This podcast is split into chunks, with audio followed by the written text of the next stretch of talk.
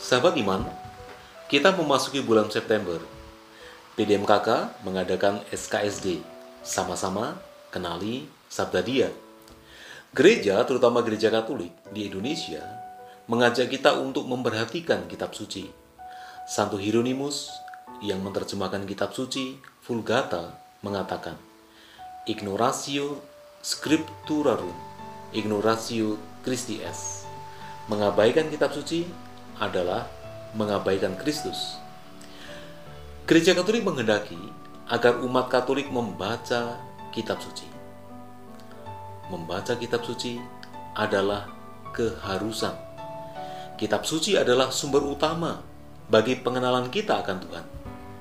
Kasana kitab suci harus dibuka lebar kepada umat, sebab dengan membaca kitab suci, kita mendengarkan sabda Tuhan sendiri karena Yesus sendirilah Sang Sabda.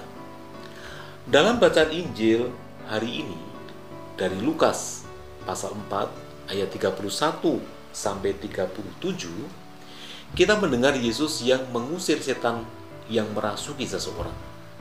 Membaca kitab suci adalah cara kita untuk mengenal Tuhan Yesus. Kita menjadi tahu bahwa Tuhan Yesus begitu berkuasa. Padanya ada kuasa yang besar sehingga sabdanya bisa mengusir roh jahat itu sehingga manusia menemukan keselamatan.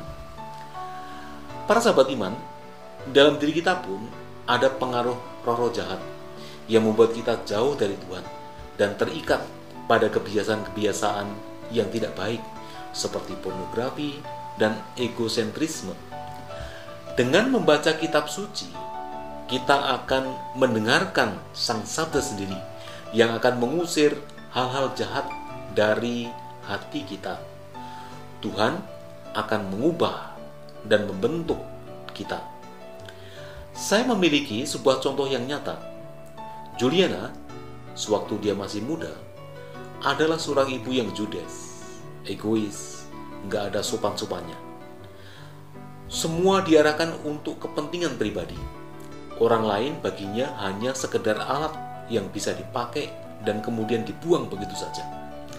Namun, Juliana ini rajin membaca kitab suci. Sepuluh tahun kemudian, Ibu Juliana berubah sekali.